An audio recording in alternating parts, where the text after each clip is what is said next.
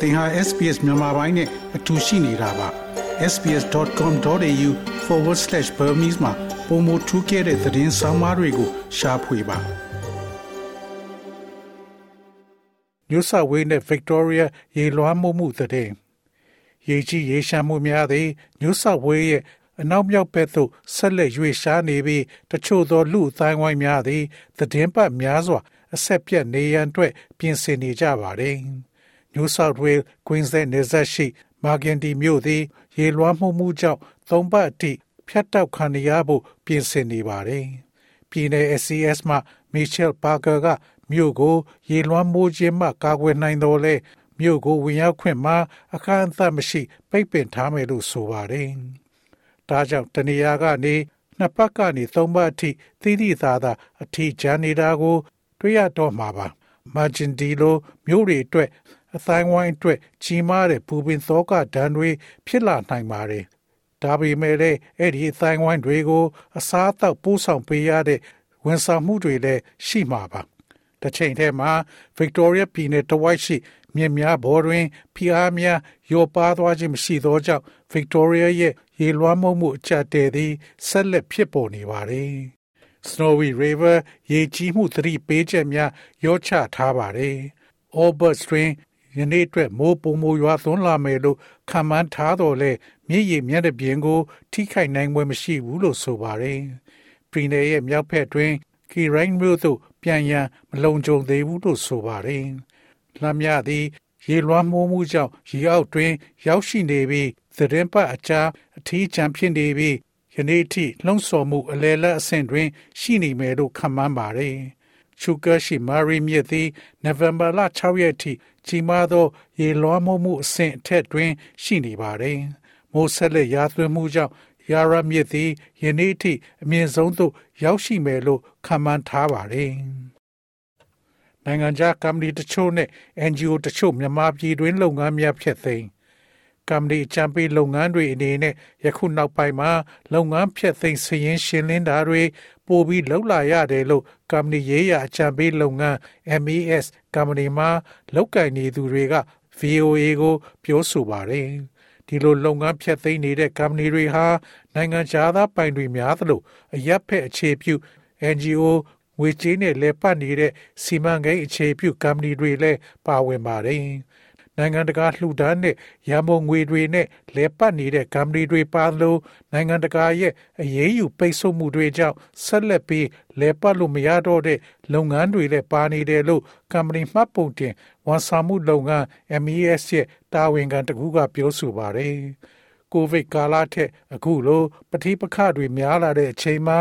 နိုင်ငံခြားယင်းဤမြုပ်နှံမှုတွေကိုဆွဲဆောင်ရတာပိုပြီးခက်လာတယ်လို့လည်းသူကပြောဆိုပါတယ်။ ရှင်းလင်းဖြတ်သိမ်းမှုတွေနဲ့အတူလူမွဲစည်းရင်ခံယူရှောက်ထားမှုတွေလည်းရှိနေပါတယ်။တချို့တရုတ်ကမ္ပဏီတွေကတော့လုပ်ငန်းဖြတ်သိမ်းတဲ့ကုန်ကျစရိတ်နဲ့နိုင်ငံရေးအခြေအနေကိုဆက်ပြီးစောင့်ကြည့်နေတယ်လို့ကမ္ပဏီစရင်ရှင်းလင်းဖြတ်သိမ်းရေးအရာရှိတူဖြစ်တဲ့ဦးမျိုးသက်ထွန်းက VOA ကိုပြောဆိုပါတယ်။ကမ္ပဏီဖြတ်သိမ်းတဲ့လုပ်ငန်းတွေထဲမှာပြည်ပအထည်ချုပ်လုပ်ငန်းတွေပါသလိုအများစုဝန်ဆောင်မှုပေးတဲ့ပြည်ပကမ္ပဏီတွေလည်းပါပါတယ်။ စစ်တပ်အာဏာရယူပြီးနောက်မှာလုပ်ငန်းရှင်တွေကိုနိုင်ငံခြားငွေကိုင်းဆောင်အသုံးပြုခွင့်နဲ့ပတ်သက်ပြီးဗဟိုဘဏ်ကကန့်သတ်လာပါတယ်။ပြီးခဲ့တဲ့2021ခုနှစ်ကုန်ပိုင်းမှာပို့ကုန်သွင်းကုန်လုတ်ကင်နေတဲ့ကမ္ဘာအများပြားကိုဝင်ငွေစစ်ဆေးတာတွေလုပ်ခဲ့ပါတယ်။ပို့ကုန်ကရလာတဲ့နိုင်ငံခြားငွေသား900ကျော်ကိုစရင်ရှင်းပေးဖို့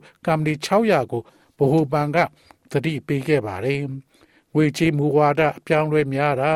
ငွေလဲနှုန်းမတည်ငြိမ်တာပို့ကုန်အမှားအော်ဒါမရတာတွေကပြည်တွင်းကနိုင်ငံခြားကမ္ဘာတွေနဲ့ NGO အခြေပြု project တွေရင်ဆိုင်နေရတဲ့အဓိကစိန်ခေါ်မှုတွေဖြစ်တယ်လို့လုပ်ငန်းရှင်တွေက ပြောဆိုပါတယ်။ American ကာကွယ်ရေးမဟာဗျူဟာမှာတရုတ်စိန်ခေါ်မှုထိတ်တန်းကပါဝင် ရုရှားဟာယူကရိန်းမှာဆိုးဝါးတဲ့စစ်ပွဲဆက်လက်ဆင်နွှဲပြီးကြီးမားတဲ့ချိန်ချမှုလုပ်နေချိန်မှာပဲတရုတ်ကတော့အမေရိကန်နိုင်ငံရဲ့အမျိုးသားလုံခြုံရေးအကျိုးစီးပွားကိုစိန်ခေါ်နေတဲ့ထိတ်ဆုံးနိုင်ငံဖြစ်ဆက်လက်ရှိနေစေပဲလို့ American Pentagon ဌာနချုပ်ရဲ့အမျိုးသားကာဝယ်ရေးမဟာဗျူဟာဆိုင်ရာ နောက်ဆုံးထုတ်ပြန်ချက်မှာဖော်ပြထားပါတယ် တရုတ်ပြည်သူသမရနိုင်ငံဟာအမေရိကန်အတွက်တူဒီသောပြိုင်ပွဲအနေနဲ့ရှိနေပြီးအင်အားကြီးမားဖို့ကြိုးစားနေတာနဲ့အတူကမ္ဘာနိုင်ငံတွေကြားတည်ရှိမှုအနေအထားကိုလည်းပြောင်းလဲဖို့ပါလှုပ်ချင်နေတာဖြစ်ကြောင်း American ကာဝေးရေးဝန်ကြီး Lloyd Austin ကချာသာပဒေနေ့ Pentagon မှာသတင်းထောက်တွေကိုပြောကြားခဲ့ပါတယ်။တရုတ်ဟာစစ်ရေးစီးပွားရေးဤပညာနဲ့ သံတမန်ရေးလိုကျေပြန့်တဲ့ကဏ္ဍတွေမှာအမေရိကန်ပြည်ထောင်စုကိုစနစ်တကျစိန်ခေါ်နိုင်စွမ်းရှိအောင်ဆက်ပြီးစ조사နေတယ်လို့အမည်မဖော်လိုတဲ့ကာကွယ်ရေးဝန်ကြီးဌာနအကြီးအရာရှိတူကသတင်းထောက်တွေကိုပြောဆိုပါတယ်။တရုတ်စိန်ခေါ်မှုကြောင့်တိုက်ခိုက်ရေးကဏ္ဍအားလုံးအထူးသဖြင့်အာကာသနဲ့ကွန်ပျူတာဆိုင်ဘာတိုက်ခိုက်မှုတွေမှာ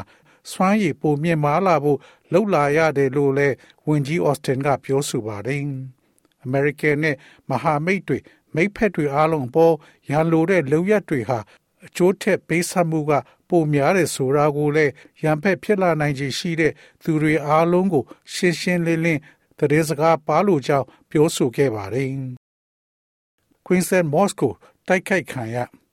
Queensland ရဲ့ရဲတပ်ဖွဲ့က Gold Coast ဗလီတစ်ခုရဲ့တကားဝမှာ ဝက်ကောင်းတဲ့နှလုံးကို ထားခဲ့ခြင်းအတွက်မြည်သူမှာတာဝန်ရှိကြောင်းစုံစမ်းစစ်ဆေးနေတယ်လို့ဆိုပါတယ်။တောက်ကြနေမနေ့ကအဆောက်အဦအပြင်ဘက်မှာပလတ်စတစ်အိတ်ထဲမှာအစိမ်းရောင်ချေထားတဲ့ဝက်ကောင်းတဲ့နှလုံးကို တွေ့ရှိခဲ့တယ်လို့ဗလီဥက္ကဋ္ဌဟာဆင်ဂော့စ်ကပြောဆိုပါတယ်။မွတ်စလင်များသည်ဝက်များကိုမသန့်ရှင်းဟုယုံကြည်ကြပြီးဝက်တရိတ်ဆန်များကိုကင်တွယ်ခြင်းမှရှောင်ကျဉ်ကြပြီးအစိမ်းရောင်သည်ယုံကြည်ခြင်းနှင့် ခိုင်ခိုင်မာမာဆက်နွယ်နေတဲ့ပုံစံအယောင်ဖြစ်ပါတယ်။တောက်ချနေသည်မွတ်စလင်များအတွက်ရသပတ်ရဲ့အမြင့်မြတ်ဆုံးနေ့ဖြစ်ပြီးမွတ်စလင်မဟုတ်သူများကိုအစ္စလာမ်အကြောင်းပုံမလေ့လာရန်ဗလီများကို လာရောက်လေပိုက်ရန်ဖိတ်ကြားခံရသော မျိုးသားဗလီဖွင့်ပွဲနေ့မတိုင်မီတရက်လိုတွင် တိုက်ခိုက်မှုဖြစ်ပါတယ်။ ကွင်းဆက်ရဲဌာနရဲ့ထုတ်ပြန်ချက်တွင်ဒေသဆိုင်ရာနှင့်အထူးအရာရှိများသည်ဗလီဝတ်ကျောင်းတော်နှင့်ကျဲပြန့်သောအတိုင်းဝိုင်းကိုပံ့ပိုးကူညီရန်လှုံ့ဆော်နေတယ်လို့ဆိုပါတယ်။ Mr. Goss ကဒီဖြစ်ပျက်ကို ပြစ်မှတ်ထားမုံတီးတဲ့ရာဇဝတ်မှုအဖြစ်ဖော်ပြခဲ့ပြီးဘယ်သူတွေမှတာဝန်ရှိတဲ့ဆိုတာကိုခြေရာခံမှုအာဏာပိုင်တွေကို တောင်းဆိုထားပါတယ်။ရန်ကုန်မြို့နေပြည်သူများမိပိတ်သပိတ် လူထုလှုပ်ရှားမှုမှာပါဝင်ဆင်နွှဲကချင်ပြည်နယ်ဖားကတ်မြို့အနက်ပါတွင်စစ်ကောင်စီတပ်ရဲ့လေကြောင်းတိုက်ခိုက်မှုကြောင့်ထိခိုက်ကြဆုံးခဲ့ကြသူများအတွက်ဝမ်းနည်းကြေကွဲခြင်းဂုံပြုဥညွတ်ခြင်းဖြင့်မိပိတ်သပိတ်လူထုလှုပ်ရှားမှုပြုလုပ်ရန်လူထုသပိတ်ကော်မတီများမှတိုက်တွန်းထားရာရန်ကုန်မြို့နေပြည်သူများပါဝင်ဆင်နွှဲခဲ့ပါတယ်။မိပိတ်သပိတ် လူထုလှုပ်ရှားမှုကိုအောက်တိုဘာလ28ရက်နေ့တွင်ပြုလုပ်ခဲ့ခြင်းဖြစ်ပြီးစစ်ကောင်စီတပ်မှစစ်လေယာဉ်များဖြင့်အနက်ဘာရွာကိုဘုံကျဲတိုက်ခိုက်ချိန်ဖြစ်သော8:30မိနစ်မှစတင်ပြုလုပ်ရာ10မိနစ်ကြာနေအိမ်မီလာမီအဆောက်အဦမီများကိုမှိတ်၍ထိုက်သင့်အားလျော်စွာပြည်သူများကပါဝင်ခဲ့ကြောင်းသိရှိရပါတယ်။အလားတူတာမွေမြို့နယ်နေပြည်သူတဦးကလည်းယခုလိုပြောပါတယ် ဒီနေ့မီးပိတ်သပိတ်လုပ်ဖို့ရှိတော့စကားဆအောက်ဆွဲတွေကမီးဖြတ်လိုက်ဖို့ပြောနေကြတယ်ဟန်ငင်းဦး lobby channel ကအဆိုးဆုံးပဲ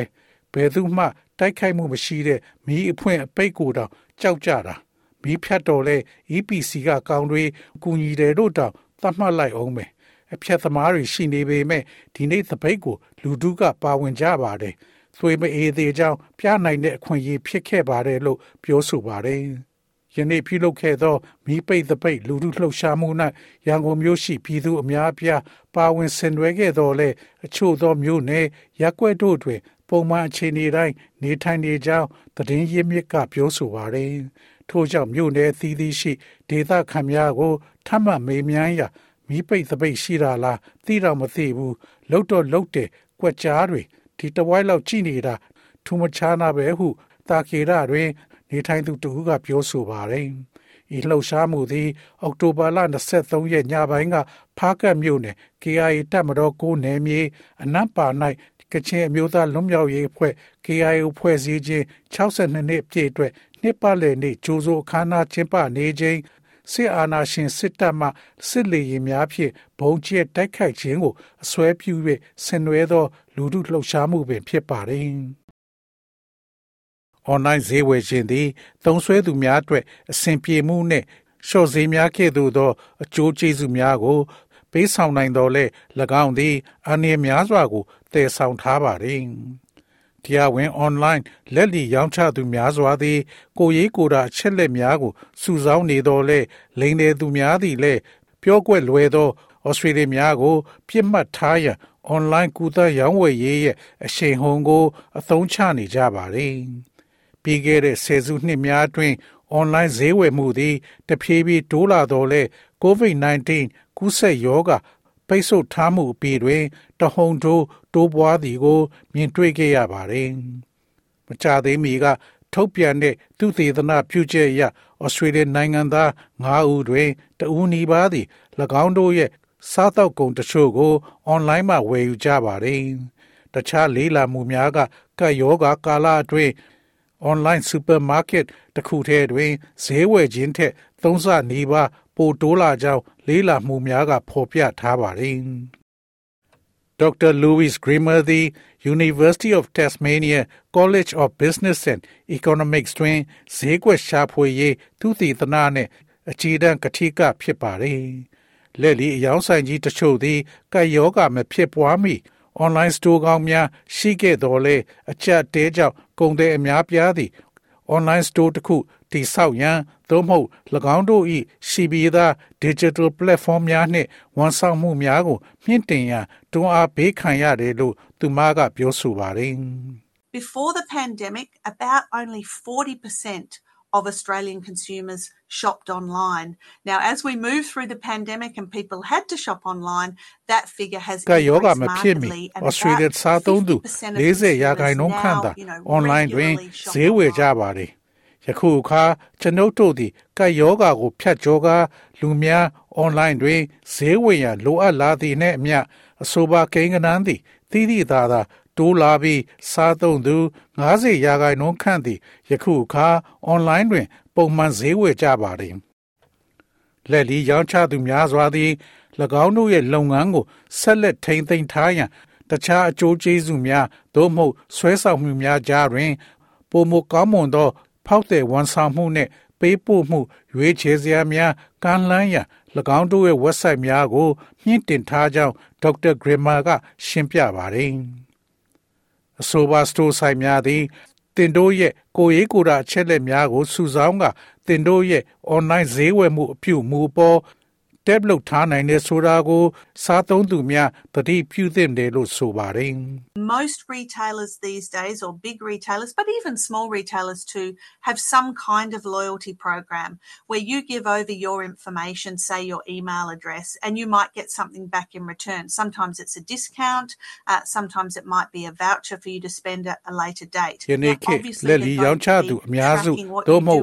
လက်လီရောင်းချတဲ့တင်းငယ်သူများပင်လင်းသင်အချက်လက်များ ကိုပေးဆောင်တဲ့သစ္စာစောင့်သိမှု program တစ်မျိုးရှိပါတယ်။သင်ရဲ့ email လိပ်စာကို ပြောပြီးသင်သည်တစုံတရာပြန်လည်ရရှိနိုင်ပါတယ်။တခါတရံမှာရှော့စေးတခါတရံမှာသင်အတွက် voucher တစ်ခုဖြစ်နိုင်ပါတယ်။ယခုအခါမှာ၎င်းတို့သည် website ပေါ်တွင်သင်လှုပ်ဆောင်နေသည်ကိုခြေရာခံသွားမှာဖြစ်ပြီးသင်ရဲ့ကိုယ်ရေးကိုယ်တာအချက်လက်တချို့ကိုသင်လွှဲပြောင်းပေးရသည်မှာထင်ရှားပါတယ်။ ဖောက်သည်များရဲ့အချက်လက်ပါရှိသော database များကိုတရားဝင်ဈေးကွက်ရှာဖွေရေးရည်ရွယ်ချက်များအတွက်စီးပွားရေးလုပ်ငန်းများကအသုံးပြုနိုင်ပါတယ်။အသုံးပြုသူသဘောတူညီချက်အရခွင့်ပြုပါကတာရရပုဂ္ဂိုလ်တို့အားတရားဝင်လွှဲပြောင်းပေးခြင်းသို့မဟုတ် ရောင်းချနိုင်ပါတယ်။သို့သောဤချက်လက်များသည်မှောင်ခိုဈေးကွက်တွင်ကိုရေးကိုတာအချက်လက်များကို အမျက်စွန်းအတွက်ရောင်းချနိုင်သောကြောင့်၎ င်းကို၎င်းတို့ရဲ့ကိုယ်ပိုင်အမျက်စွမ်းအတွက်အသုံးပြုရန် cyber ရာဇဝတ်ကောင်များနှင့် hacker များကဆွဲယူသွားနိုင်ပါတယ်။ online ဈေးဝယ်ခြင်းရဲ့နောက်ထပ်အန္တရာယ်တစ်ခုမှာလူများရဲ့ပတ်စံသို့မဟုတ်အထောက်ထားများကိုခိုးယူရန်လိမ်လည်သူများတီထောင်ထားတဲ့အထုအယောင် online ဆိုင်များကိုကြုံတွေ့ရခြင်းဖြစ်ပါတယ် Australian Competition and Consumer Commission ရဲ့လက်ထဥက္ကဋ္ဌ Delia Rika ကယခုလိုရှင်းပြပါတယ် But what scammers do these days is they set up fake shops either on the internet or more and more frequently on social media. ယနေ့ခေတ်လိမ်လည်သူများလှုပ်သည့်အရာမှာအင်တာနက်ပေါ်တွင်ဖြစ်စေသို့မဟုတ် social media ပေါ်တွင်မကြာခဏဆိုသလိုဈေးဆိုင်အတူများထူထောင်ခြင်းဖြစ်ပါれ၎င်းတို့သည်အလွန်နှိမ့်ချသောဈေးနှုန်းများသို့မဟုတ်အမှန်တိုင်းမဖြစ်နိုင်လောက်အောင် ကောင်းမွန်တဲ့အံ့ဘွယ်အကျိုးခံစား권များဖြင့်ထုတ်ကုန်များကိုမကြာခဏကြော်ညာတတ်ကြပါれဝါရလွှဲပြောင်းသူများ cryptocurrency သို့မဟုတ် voucher များကဲ့သို့သောပုံမှန်မဟုတ်သောငွေပေးချေမှုနည်းလမ်းများကို website များကတောင်းဆိုပါကလိမ်လည်မှုဖြစ်နိုင်တယ်လို့ Miss Rika ကပြောဆိုပါတယ်။ယုံကြည်စိတ်ချရမှုတိဆောက်ရန် online လိမ်လည်သူများသည် ဩစတြေးလျရှိအဖွဲ့အစည်းများအယောင်ဆောင်ကပုံမှန်လိမ်လည်နေကြကြောင်းသူမကသတိပေးပါတယ်။ Often they will pretend to be an Australian company, use an Australian ABN number, um, which they've stolen. မကြာခဏဆိုသလိုသူတို့က Australian company တခုလိုဟန်ဆောင်နေလိမ့်မယ်သူတို့ခိုးယူထားသော Australian AB number ကိုအသုံးပြုပါလိမ့်မယ်ဒါဟာတင့်ကိုကြီးကြီးမားမားယုံကြည်မှုပေးခြင်းဖြစ်ပါတယ်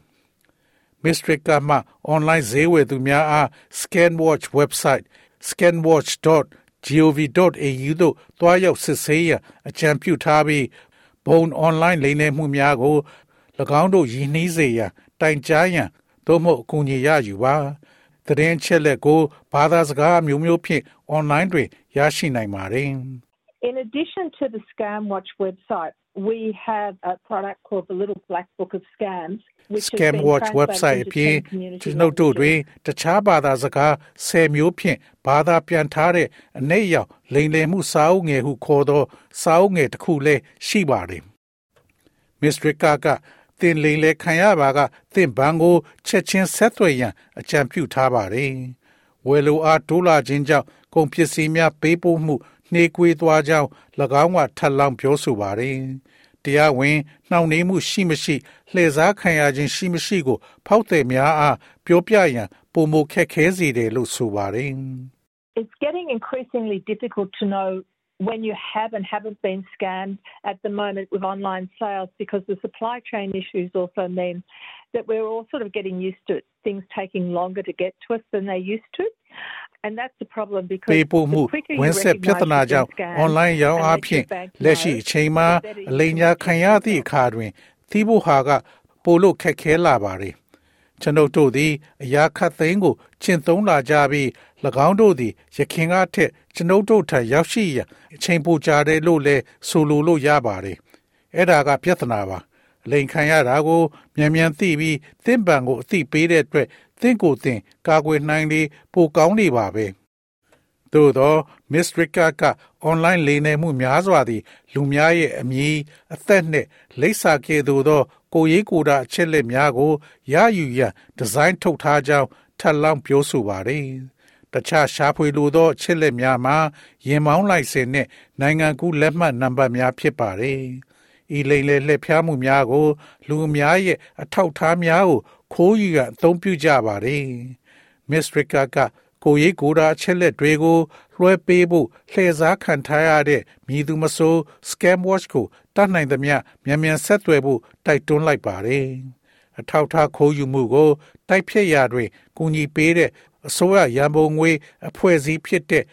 idk.org နဲ့လည်းဆက်သွယ်နိုင်ပါတယ်။ငွေပေးချေမှုသို့မဟုတ်ကိုရေးကိုတာအချက်လက်များကို မလွှဲပြောင်းမီ၎ င်းတို့တွားရောက်နိုင်တဲ့ website သည်နာမည်ကောင်းရှိမရှိနဆစစ်ဆေးရ Dr. Grimmer ကအကြံပြုထားပါတယ် So you can see over on your browser when you've got the URL of the retailer make sure that there is the little padlock icon because that means it's a secure site that you're shopping with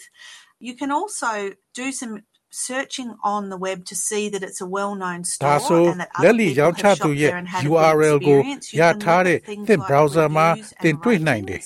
တော့ cloud icon ရှိတဲ့ဆိုတာသိကြပါစေ။ဘာကြောင့်လဲဆိုတော့ဒါကသင်ဈေးဝယ်နေတဲ့လုံခြုံတဲ့ site တစ်ခုလို့ဆိုလိုတာပါ။၎င်းသည်နာမည်ကြီး store site ဖြစ်ကြောင်းသိနိုင်ရန် website ပေါ်တွင်ရှာဖွေမှုတချို့ကိုလည်းပြုလုပ်နိုင်ပါတယ်။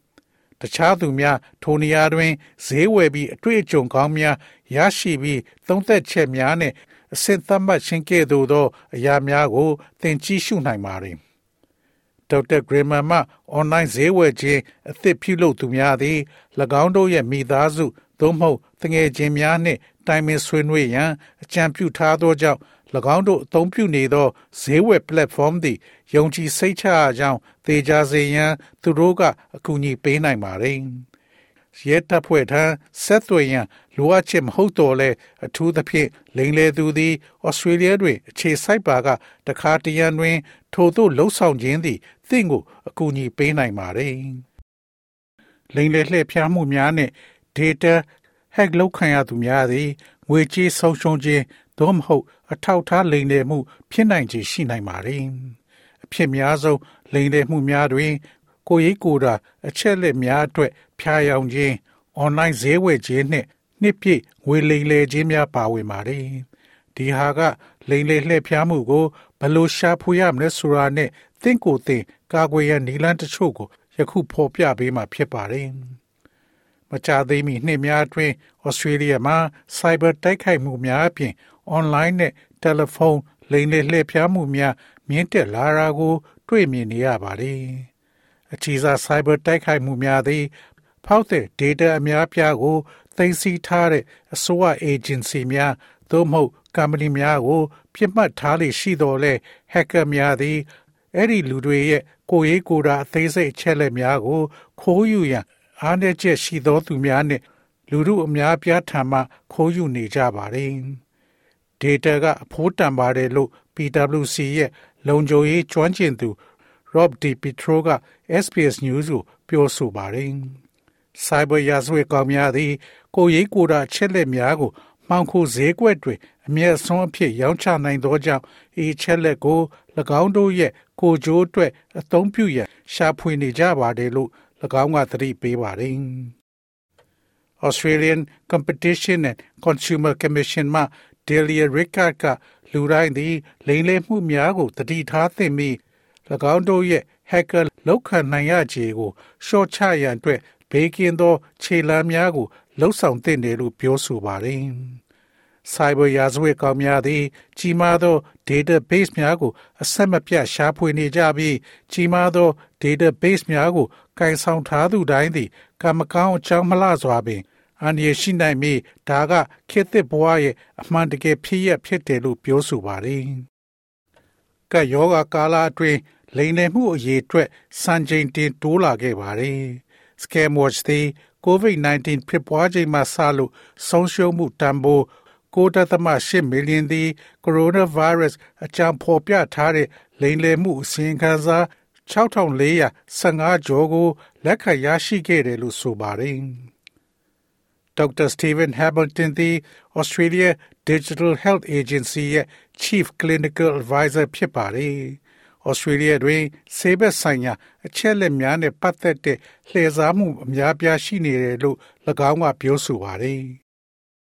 သူတို့ဟာခွဲခြားသိမြင်နိုင်သော အချက်လက်ကိုလိုချင်ကြပြီးသူတို့သည်ကျန်းမာရေးဆိုင်ရာအချက်လက်များကို ရှာဖွေကြပါတယ်။အဲ့ဒါကသူတို့ကိုသိရဲ့အထောက်ထားကိုခိုးယူနိုင်စွမ်းရှိစေတာမျိုးဖြစ်ပါတယ်။ကိုရီကိုရာကျမ်းမာရေးအချက်လက်သည်မှောင်ခိုဈေးကွက် web forum များတွင်အဖိုးတန်ကုန်ပစ္စည်းတစ်ခုဖြစ်ပြီးတစုံတဦးမှဤအချက်လက်များကိုထိန်းချုပ်မှု ဆုံးရှုံးသွားသောအခါ၎င်းကို ပြန်လည်ရရှိရန်အလွန်ခက်ခဲတယ်လို့ဒေါက်တာဟမ်ဘတန်ကပြောဆိုပါတယ်။ phishing သည်အကောင့်ဝင်ခြင်းဆိုင်ရာ အထောက်အထားများနဲ့အကျွေးဝယ်ကနံပါတ်များကဲ့သို့သော သုံးစွဲသူ data များကို ခိုးယူရန် cyber ရာဇဝတ်ကောင်များအသုံးပြုတဲ့အသုံးအများဆုံးလိမ်လည်မှုတစ်ခုဖြစ်ပါတယ်။ဒေါက်တာဟယ်ဘန်တန်မှလိမ်လည်သူများသည်သင်အားဖုန်းခေါ်ဆိုခြင်း သို့မဟုတ် social media email သို့မဟုတ်စာတိုပေးပို့ခြင်းမှတဆင့်ဆက်သွယ်နိုင်ကြောင်းပြောဆိုပါတယ်။သင်မတောင်းဆိုသော email သို့မဟုတ်စာသား message ပါရှိသော link ကိုမနှိမ့်မီလူများအားနှစ်ကြိမ်စဉ်းစားရန်သူကအကြံပြုထားပါတယ်။ package တစ်ခုမပို့နိုင်ဘူးလို့ပြောထားတဲ့ email တွေအခုဆိုရင်အားလုံးကရနေပြီး message ကကျေးဇူးပြုပြီးဒီ link ကိုနှိပ်ပါ ဟဟုဖော်ပြတယ်လို့ဆိုပါတယ်။သင်က package ကိုမမျိုးလင့်ထားပါက link ကိုလုံးဝမနှိပ်ပါနဲ့။ကျွန်ုပ်တို့သည် Amazon ကဲ့သို့ပင် အဖွဲ့အစည်းကြီးများရဲ့တိကျသော logo များကို ခိုးယူထားသူများထံမှရရှိနိုင်ပါတယ်။စစ်မှန်သော online ဈေးဝန်ဆောင်မှုပေးသူများကဲ့သို့သင်အားသတင်းချက်လက်များကို တောင်းဆိုနိုင်ပါတယ်။ဒေါက်တာဟမ်ဘယ်တန်သည်လူများအားလိပ်တစ်ခုကိုနှိပ်ချင်းထက် မူရင်းဝယ်ယူမှုသို့ပြန်သွားကြည့်ရန်အကြံပြုထားပါတယ်။လိင်တဲ့သူများသည် COVID-19 ကာလတုန်းက COVID-19 ပျောက်ဆေးများသို့မဟုတ်ကာကွယ်ဆေးများသို့မဟုတ်မျက်နှာဖုံးများကဲ့သို့သော ထုတ်ကုန်များအထိလှုပ်ဆောင်ပြီးအဲ့ဒီထုတ်ကုန်များကို ရောင်းချရန်တောင်းဆိုသည့် online store အတုများဖန်တီးထားပါတယ်။လိမ်လေလှည့်ဖျားသူများသည် လူများရဲ့အချက်လက်များအတွက် စာသား message များနဲ့ email များမှတစ်ဆင့်အချက်လက်များကို ပေးဆောင်နေတဲ့အစိုးရ agency များအဖြစ်ဟန်ဆောင်နိုင်ပါတယ်။၎င်းတို့တွင်တစုံတဦးရဲ့ကိုရေးကိုတာနှင့်ငွေကြေးအချက်လက်များကိုခိုးယူရန်ဒီဇိုင်းလုပ်ထားသောအန္တရာယ်ရှိသော link များနှင့်ပူးတွဲဖိုင်များပါရှိကြောင်းဒေါက်တာဟမ်ဘယ်တန်က ရှင်းပြပါတယ်။ဥပမာအားဖြင့်နောက်ထပ်အချက်လက်များအတွက်အန္တရာယ်ရှိသော link တစ်ခုဖြင့် MyGov မှ စာသား message ထွက်ပေါ်လာတတ်တယ်လို့ဒေါက်တာဟမ်ဘယ်တန်ကဆိုပါတယ်။ MyGov ကသင်ကိုဆက်သွယ်မဲ့နီးလမဟုတ်တာကြောင့်အဲ့ဒီ link ကိုမနှိပ်ပါနဲ့ website ကိုဓာတ်ရိုက်သွားကြည့်ပါဒေါက်တာဆူရန်ကဆူနီဗရန်တီသည်စစ်ဒနီတက္ကသိုလ်ရှိကွန်ပျူတာသိပ္ပံကျောင်းတွင် လုံခြုံရေးဆိုင်ရာကတိကဖြစ်ပါတယ်လူတဦးသည်ဤလိတ်များထဲမှတစ်ခုကိုနှိပ်ပါက လူတဦးရဲ့အချက်လက်များကို ခိုးယူမဲ့ malware ကိုထည့်သွင်းနိုင်တယ်လို့ဆိုပါတယ်သူတို့ကလိမ်မှာ malware အန္တရာယ်ရှိတဲ့ software ပါဝင်တဲ့ link တစ်ခုကိုဖန်တီးနိုင်ပါတယ်။ဒါကြောင့်အဲ့ link ကိုနှိပ်လိုက်တာနဲ့အန္တရာယ်ရှိတဲ့ software ကသင်ကွန်ပျူတာစီရောက်လာပြီးဝင်ရောက်သွားမှာပါဟုဒေါက်တာ Severanti ကပြောကြားပါတယ်။ software သည်သင်ရိုက်သမျှတော့ကိုအမှန်တကယ်မှတ်တမ်းတင်နိုင်ပါတယ်။ ထို့နောက်၎င်းတို့တွင် အချက်လက်အားလုံးကို လူဆိုးများသို့ပေးပို့သည့်ဆက်သွယ်ရေးလမ်းကြောင်းတစ်ခုရှိပါတယ်။ Shanton Chang သည် Melbourne Tech သို့ရှိ Computer and Information System ကျောင်းမှပေါမောက္ခတူဖြစ်ပါတယ်။လိန်လေသူများသည် အများအားဖြင့်လူများရဲ့ကိုယ်ရေးကိုယ်တာအချက်လက်များကို ခိုးယူဖို့လှုံ့ဆော်တာလို့ဆိုပါတယ်။တကယ်လို့သူတို့တွင်သင်ရဲ့အမည်နေရလိပ်စာ မွေးသက်ကြီးရဲ့နဲ့သစ်ဖုန်းနံပါတ်ကိုခိုးယူနိုင်တာဖြစ်ပါတယ်။၎င်းတို့သည်အဲ့ဓာတွေကိုအသုံးပြုပြီးဗန္ဒာရေးအဖွဲ့အစည်းထံသွားပြီးသင့်အယောင်ဆောင်ပြီးအကောင့်အသစ်တစ်ခုဖွင့်နိုင်ပါတယ်။ဒါကတရားဝင်အဖွဲ့အစည်းအားလုံးကသင်ဘသူလဲဆိုတာကိုဖော်ထုတ်နိုင်ဖို့မဖြစ်နိုင်လို့ဟု၎င်းကဆက်လက်ပြောဆိုပါတယ်။တစုံတစ်ယောက်ရဲ့ကိုရေးကိုယ်တာအသေးစိတ်အချက်လက်များကို dark website သို့ ရောင်းချနိုင်ပြီးမြည်သူမြည်ဝါဖြစ်ကြောင်းခိုးယူမှုဖြစ်စေနိုင်တယ်လို့၎င်းကပြောဆိုပါတယ်။သင်ရဲ့ကိုရေးကိုတာအချက်လက်တွေကရန်ကိုတန်ဖိုးရှိပြီးတခိုးတွေကဒါကိုအသုံးပြုပြီးငွေရှာနိုင်ပါတယ်လို့၎င်းကပြောဆိုပါတယ်။ Professor Chang ကသစုံတူရဲ့ကိုရေးကိုတာအသေးစိတ်အချက်လက်များသူတို့လက်ထဲရောက်သွားပါက၎င်းတို့သည်သင်ရဲ့ကိုရေးကိုတာအချက်လက်များကို လာမဲ့လများစွာအထိအသုံးပြုသွားနိုင်တယ်လို့ဆိုပါတယ်။ကိုရေးကိုတာ data သည်အလွန်တန်ဖိုးရှိပြီးအကျွေးဝယ်ကတ်အသစ်များကိုဖန်တီးနိုင်တယ်လို့ဆိုပါတယ်။ကမ္ဘာတဝန်းရှိပစ္စည်းမျိုးစုံကိုအဲ့ဒီဖန်တီးထားတဲ့ကတ်အတုဖြင့်ဝယ်ယူနိုင်တယ်လို့ဆိုပါတယ်။စစ်ဒီမျိုးရှိဤပညာတက္ကသိုလ်မှအင်ဂျင်နီယာနှင့် IT ဌာနမှဒေါက်တာဖရီဒရာစီနန္ဒာကအိမ်မအလုပ်လုပ်ခြင်းသည် ရုံးတွင် အမြဲအလုပ်လုပ်စင်ကားထက်စားလျင်လိမ်လေလှည့်ဖျားမှု ပိုခံနိုင်ရတယ်လို့ဆိုပါတယ်။ကွန်ပျူတာ malware မှကာကွယ်ရန်နည်းလမ်းတချို့ရှိကြောင်းဒေါက်တာနန္ဒရာက ရှင်းပြပါတယ်။သင်ရဲ့ anti malware software ကိုရန်ဖာရန်ကအသုံးပြုပါသင်ရဲ့ file တွေအားလုံးကို scan လုပ်ပါဟု၎င်းကပြောဆိုပါတယ်။သင်သည်အန္တရာယ်ရှိသော link ကိုနှိပ်လိုက်သည်ဟုယူဆပါက သင်သည်ကွန်ပျူတာကို malware သို့မဟုတ်အန္တရာယ်ရှိသော software တစ်ခုခုမှစစ်ဆေးရန်ကွန်ပျူတာနည်းပညာကျွမ်းကျင်သူထံသင်ကွန်ပျူတာကို ယူဆောင်သွားနိုင်ပါတယ်။တာရီယာချက်မှာ Microsoft သို့မဟုတ် Apple ကဲ့သို့သော software ရောင်းချသူများသည်သင်အား patch များကို အခါအားလျော်စွာ ပေးပို့ပါတယ်။၎င်းတို့သည်သင်အား patch များကိုထည့်သွင်းပြီးကွန်ပျူတာကို ပြန်လည်စတင်ရန် တောင်းဆိုထားပါတယ်။လူတွေကဒီ update တွေကိုထည့်သွင်းဖို့အရေးကြီးတယ်လို့ဒေါက်တာနန္ဒရာကပြောဆိုပါတယ်။အလိန်ခံရသူတွေကအာနာပိုင်တွေကိုသတင်းပို့ဖို့အရေးကြီးတယ်လို့ဒေါက်တာဟမ်ဘလတန်ကပြောဆိုပါတယ်။လိန်လေမှုပေါင်းထောင်နဲ့ချီပြီးတိုင်ကြားခံရပြီးလူတွေကငွေတွေအမှန်တကယ်ဆုံးရှုံးသွားတဲ့အတွက်လူတွေကဒါကိုပြောရမှရှက်ပြီးသတင်းမပို့ကြပါဘူး။ တင်းအလိန်ခံရရင်တင်တယောက်ယောက်ကိုတကယ်ပြောသင့်တယ်လို့ထင်ပါတယ်။ Scanwatch website တွင် form ကိုဖြည့်ခြင်းဖြင့်လိမ်လည်သူများကို ACC သို့တိုင်ကြားနိုင်ပါတယ်။ပြီးခဲ့တဲ့3လလောက်ကစပြီးတိုင်းရင်းသားလက်နက်ကိုင်အဖွဲ့တွေကြားကော့တူးလီတက်မတော်ဟာလူသိများလာခဲ့ပါတယ်။ ကရင်မျိုးနယ်စုတွေကြားလက်နက်ကင်အဖွဲ့အစည်းတွေများပြားတဲ့အချိန်ဒီမှာ KTLA လို့ခေါ်တဲ့ကော့တူးလေကရင်တက်မတော်ဟာစီဦးစီးချုပ်ဗိုလ်ချုပ်စောနေတာများဦးဆောင်ဖွဲ့စည်းခဲ့တာပါ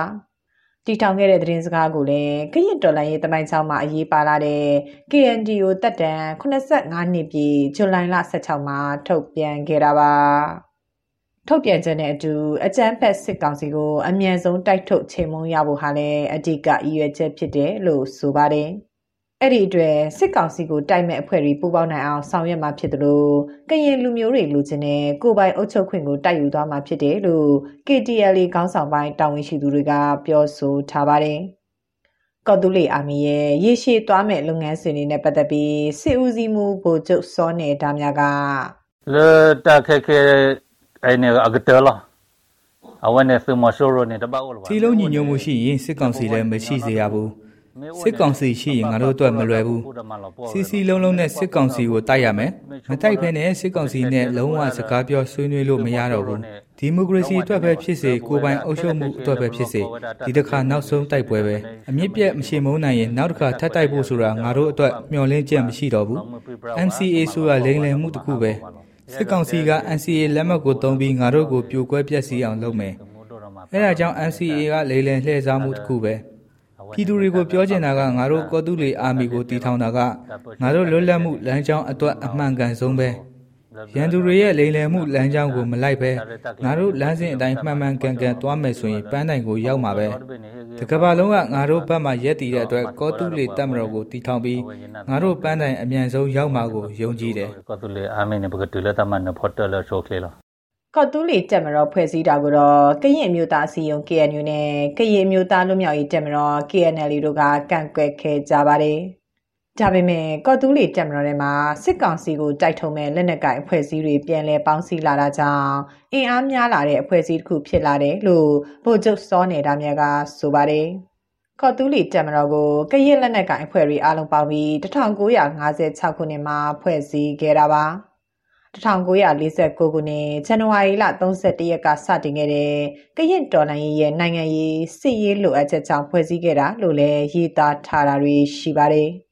ပြီးခဲ့တဲ့2014ခုနှစ်လောက်မှာလည်းကရစ်တိုင်းရင်းသားလက်နက်ကိုင်တော်လှန်ရေးအဖွဲ့တွေပေါင်းပြီးကော့တူးလီတမရော KAF အဖြစ်ဖွဲ့စည်းဖို့သဘောတူညီချက်ရရှိတယ်လို့ထုတ်ပြန်ချက်ထုတ်ခဲ့ပါတယ်။သဘောတူညီခဲ့ကြတဲ့အဖွဲ့အစည်းတွေထဲမှာ KNU, KNL, DKB တို့ပါဝင်ခဲ့ပေမဲ့လက်တွေ့အကောင့်ထဲမဖော်ဆောင်နိုင်ခဲ့ကြပါဘူး။ KNDO ကနေခွက်ထက်ပြီးကော့တူးလီတက်မတော်ရဲ့ရောက်လာတဲ့ဘီနွန်စစ်ကြောင်းရဲ့စစ်ကြောင်းမှုစောဝင်းမြင့်ကကြော်လန်ရေးနဲ့ပတ်သက်ပြီးသူ့ခံယူချက်ကိုအခုလိုပြောပါတယ်။တော်လန်ရေးမှာကကျွန်တော်တို့ရဲ့ခံယူချက်ကအဓိကကကျွန်တော်တို့နိုင်ငံတစ်ခုကိုကျွန်တော်တို့နိုင်ငံပြန်လည်အေးချမ်းဖို့ပဲနောက်ပြီးလို့ဆိုရင်ကကောင်းမှုပြန်လည်တည်ဆောက်မယ်အခုဆိုကျွန်တော်တို့နိုင်ငံနိုင်ငံစစ်စစ်နဲ့နိုင်ငံတကာမနေရတဲ့လူတွေလည်းတပိုးရွယ်ပေါ့အဲ့လိုမျိုးပေါ့ဒါကနိုင်ငံအုပ်ချုပ်တဲ့လူက ဘယ်လိုပြောမလဲအရာအသက်မကျလို့ပေါ့ဒီလိုမျိုးတွေဖြစ်လာတာအဲ့လိုမျိုးအဲ့ဒါကိုနိုင်ငံကိုပြန်လည်ပြီးတော့တည်ထောင်ခြင်းနဲ့တည်ဆောက်ခြင်းနဲ့စိတ်ရပြီးလို့ဆိုရင်ဒီအုပ်ချုပ်မှုပိုင်းဆိုင်ရာမှာလောကအမတရားတရားဥပဒေစိုးမိုးရေးအောက်မှာပဲအုပ်ချုပ်ရမယ်ဆိုတဲ့စိတ်နဲ့အဲ့ဒါကျွန်တော်တို့အဲ့ဒါကိုဟိုတာအဓိကထောက်ခံခြင်းနဲ့စိတ်တယ်ပေါ့နော်ထောက်ခံခြင်းနဲ့စိတ်ကိုကိုယ်တိုင်လည်းပါဝင်ခြင်းနဲ့စိတ်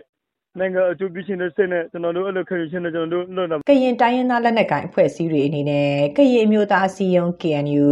ဒီမိုကရေစီအကျိုးပြုကရင်တပ်မတော် DKBA ငြိမ်းချမ်းရေးကောင်စီ KNU KNLA PC ကရင်နယ်ကြားဆောင်တပ်ဖွဲ့ BGF တို့ရှိနေတာပါ အရင်ကကရင်အမျိုးသားစီယုံ KNU တခုတည်းသာလူသိများလာပေမဲ့လည်း1994ခုနှစ်မှာတော့ TKBA ကခွဲထွက်ပြီးတီးတန့်အဖွဲ့ရက်ကြီးခဲ့ပါတယ်2009ခုနှစ်မှာတော့ KNL PC ဆိုပြီး KNU ကနေထပ်မံခွဲထွက်ခဲ့တာပါ အဲ့ဒီနောက်2008ခုနှစ်မှာတော့စောချစ်သူခေါင်းဆောင်တဲ့အဖွဲ့ဟာ DKBA ကနေခွဲထွက်ပြီးစစ်ကောင်စီလက်အောက်ခံကရင်နယ်ကြားဆောင်တဲ့ BGF အဖြစ်ရက်တည်ခဲ့ပါတယ်စစ်ကောင်စီကိုတိုက်ထုတ်ဖို့ဆန္ဒရှိတဲ့လက်နက်ကိုင်အဖွဲ့အစည်းတွေကိုပူးပေါင်းဆောင်ရွက်မယ်ဆိုတဲ့စကားတန်နဲ့အတူကော်တူးလေတက်မတော်ဆိုပြီးနောက်ထပ်တစ်ဖွဲထပ်မံပေါ်ပေါက်လာခဲ့တာပါ ဒီလိုမျိုးအခြေအနေမှာတော့ကရင်လက်နက်ကိုင်အဖွဲ့အစည်းအချင်းချင်းကြားပဋိပက္ခတွေမဖြစ်ပွားဖို့တတိထားရမယ်လို့ပအို့ပြည်သူ့လွတ်မြောက်ရေးအဖွဲ့ PNL ဥက္ကဋ္ဌဦးခွန်ဩကာကဆိုပါတယ်လက်နက်ကိုင်အဖွဲ့အစည်းတွေမှာညီမချက်ချင်းတော့တူတယ်ဥမာပန်းတိုင်ချင်းတော့တူတယ်သို့တော့လုတ်ပုံကင်ပုံကောင်တယ်ဖော်တဲ့နေရာမှာကွဲပြားမှုရှိတယ် ဆိုတာကိုတွေ့ရတဲ့ခါကျတော့ဒါကတော့အင်အားတော့ဖြစ်မလာဘူးပေါ့ဒီကွဲပြားတဲ့ဟာကအချင်းချင်းပြိပခမဖြစ်ဖို့အတွက်ညှိနှိုင်းရတာတော့เนาะကျွန်တော်တို့ရှောင်ရှားရတာတော့အချိန်အလကားကုန်တာပေါ့အဲ့ဒီအတွက်အချိန်ကုန်တဲ့ခါကျတော့ထိရောက်မှုတကယ်ဟိုရီမန်းချက်နိုင်ငံရေးရီမန်းချက်ကိုသွားဖို့အတွက်ထိရောက်မှုမှာအားနေသွားနိုင်တာပေါ့လေအဲ့ဒါအဲ့ဒါမျိုးဖြစ်တတ်ပါတယ်ဒါကတော့ဒီတော်လိုင်းကာလမှာတမိုင်းကြောင်းရ ပုံစံအမျိုးမျိုးနဲ့ကွဲပြားခြားနားတယ်ဖြစ်ပူပါတယ်သို့တော့ဒီကွဲပြားခြားနားမှုတွေကတစ်ဖက်နဲ့တစ်ဖက်ဟိုလက်နက်ကင် break back အကြမ်းဖက် break back ကိုမရောက်သွားဖို့ကတော့ပိုအရေးကြီးပါတယ်အဲ့ဒါပါပဲအဲ့ဒီလိုမရောက်ဘူးဆိုရင်ပဲအာလောလောဆယ်ရပ်တည်ချက်ကွဲတာကတော့ဖြစ်တတ်တယ် break back အဆင့်ကိုမရောက်ဘူးဆိုရင်ပဲကျွန်တော်တို့ကဒီနားလည်လို့ရပါတယ်လို့ ကရင်တိုင်းရင်းသားလက်နက်ကိုင်လေးဘွဲ့ထဲမှာကရင်နယ်ကြားဆောင်တက် BGF ကလွဲပြီးကြံတဲ့သုံးဘွဲ့စလုံးကစစ်တပ်နဲ့အပြစ်ခတ်တိုက်ခိုက်မှုရက်စဲရေး NCA စာချုပ်ကို2015ခုနှစ်တမရဦးသိန်းစိန်လက်ထက်မှာလက်မှတ်ထိုးထားခဲ့ပါတယ်။အခုလက်ရှိခွဲထွက်လာတဲ့ကော့တူးလီတက်မတော်ကတော့ NCA စာချုပ်ပေါ်မယုံကြည်နိုင်တဲ့အပြင်အချို့သောခေါင်းဆောင်ပိုင်းတွေရဲ့စစ်တပ်နဲ့ပတ်သက်နေတဲ့အကျိုးစီးပွားတွေအပေါ်လက်မခံနိုင်ကြောင်းအကြောင်းပြချက်တွေနဲ့ခွဲထွက်လာတာပါ။ ဒါမှသာကရင်လူမျိုးတွေလိုချင်တဲ့ကရင်နိုင်ငံတော်နဲ့ကရင်အခွင့်အရေးတွေအတွက်ပေါ်လုံနိုင်မယ်လို့ခံယူထားပါတယ်။ဒီလိုခွဲထွက်လာပေမဲ့ကရင်လက်နက်ကိုင်အဖွဲ့အစည်းတိုင်းလက်ခံကျင့်သုံးတဲ့စောဘဦးကြီးရဲ့မူလေးချက်ကိုလိုက်နာကျင့်သုံးတယ်လို့ပြောဆိုထားပါတယ်။ဗိုလ်ချုပ်စောနယ်သားများဦးဆောင်တဲ့ကော့တူးလီအာမီကိုကြိုဆိုကြတဲ့တခြားလက်နက်ကိုင်အဖွဲ့အစည်းတွေလည်းရှိသလိုဒီလိုခွဲထွက်တာကကောင်းတဲ့လက္ခဏာမဟုတ်ဘူးလို့ဝေဖန်ကြသူတွေလည်းရှိပါတယ်။ ကော့တူးလီအာမီခွဲထွက်တဲ့ပေါ်ကရင်လူငယ်တူဖြစ်တဲ့စောအဲဘတ်ချိုက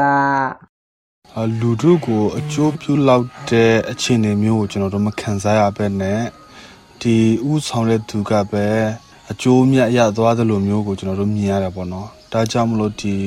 လက်ရှိတော်လှန်ရေးအတွက်အကျိုးတရားမှုကတော့အကောင်းတဲ့ဘက်မှာဘာမှတရားမှုရှိမှမထင်ဘူးလို့ဆိုလိုတာဖြစ်တယ်ဒီမိုကရေစီတော်လှန်ရေးနဲ့ပတ်သက်ပြီးတော့မှပေါ့နော် တောက်တိုင်လိုမျိုးဖြစ်လာမယ်လို့တော့မထင်ဘူးဒါပေမဲ့စီရေးမှာကြတော့ဆိုတော့သူတို့လည်းသူတို့အခန်းကဏ္ဍနဲ့သူတို့လုံနိုင်တယ်လို့တော့သူတို့လုံနိုင်လိမ့်မယ်ပေါ့နော်ဒါပေမဲ့ဘာမှအကျိုးသက်ရောက်မှုရှိမှာမထင်ဘူးဒီဒီမိုကရေစီတော်လှန်ရေးအတွက်အခုဖွဲ့စည်းခဲ့တဲ့ကော်တူလီဂျမ်မရာမှာ TKBA ကခွဲထွက်လာတဲ့ဘူစာလုံးကစင်ပြူစစ်ကြောင်းဘိုအဲဆေးဝါက Lion Battalion စောဝင်းမြင့်ဦးဆောင်တဲ့ Venom စစ်ကြောင်းအပြင် PDF တပ်ဖွဲ့ဝင်တွေပူးပေါင်းပါဝင်ထားပါတယ်။ ဗိုလ်ချုပ်စောနယ်ဒါများဟာကော့တူးလီကိုကရင်လက်နက်ကိုင်အဖွဲ့အစည်းတွေအလုံးပါဝင်ဖွဲ့စည်းတည်ထောင်ဖို့ကြိုးပမ်းတဲ့ထဲမှာဥဆောင်သူတဦးဖြစ်တဲ့ KNU ဥက္ကဋ္ဌအောင်ဘူကြီးစောပုံများရဲ့ဒုတိယမြောက်သားလည်းဖြစ်ပါတယ်။လက်နက်ကင်ဖွဲ့စည်းတွေကွဲပြားစွာပေါ်ပေါက်လာပေမဲ့ကြော်လန့်ရေးလုပ်နေတဲ့ကာလအတွင်းကိုကျိုးထက်ပြည်သူတွေအရေးကိုပို့ပြီးစဉ်းစားပေးနိုင်တဲ့သူတွေဖြစ်ဖို့လိုတယ်လို့မြန်မာအရေးလေ့လာသုံးသပ်သူတွေကဆိုကြပါတယ်။ မြန်မာအရေးလေ့လာသုံးသပ်သူတူဖြစ်သူဒေါက်တာစိုင်းကြည်စင်ဆိုကအဖွဲ့ကွဲတာကတော့ကျွန်တော်တို့ကလူမှုတဘာဝကွဲတာတော့ကွဲမှာပေါ့နော်ဒါပေမဲ့အဲ့ကွဲနေတဲ့အုပ်စုတွေရက်တီချက်တွေမှန်နေဖို့လိုဖြစ်တယ်ဟိုလူကြီးဆန်ကြဖို့လိုတယ်ပေါ့နော်နော်ကျွန်တော်တို့တယောက်နဲ့တယောက်စိတ်ကောက်လို့မရအောင်စိတ်ကောက်ရင်တော့ကျင်းသေးတာတော့ကွဲမှာပဲဒါပေမဲ့အဲ့လိုမျိုးမတူညီရဲ့ဆုံးဖြတ်ချက်တွေနဲ့အချင်းချင်းကြားထဲမှာကျွန်တော်နားလည်မှုကွဲရင်တော့ကွဲမှာပဲအိမ်ချက်ချင်းပြန်ခုတ်ခိုင်းတဲ့ဟာမျိုးကကျွန်တော်တို့အန်ဒီရများတာ အပြန်အလှန်လေးစားမှုတွေမတည်ဆောက်နိုင်ဘူးသစ္စာဆောင်တည်မှုဆိုတာဟာကိုတန်ဖိုးမထားဘူးပြီးရင်အချင်းချင်းကြားထဲမှာကျွန်တော်တို့ဟိုဆက်သွယ်မှုတွေပေါ့နော်ဟိုပြောဆိုဆက်ဆံမှုတွေမှာ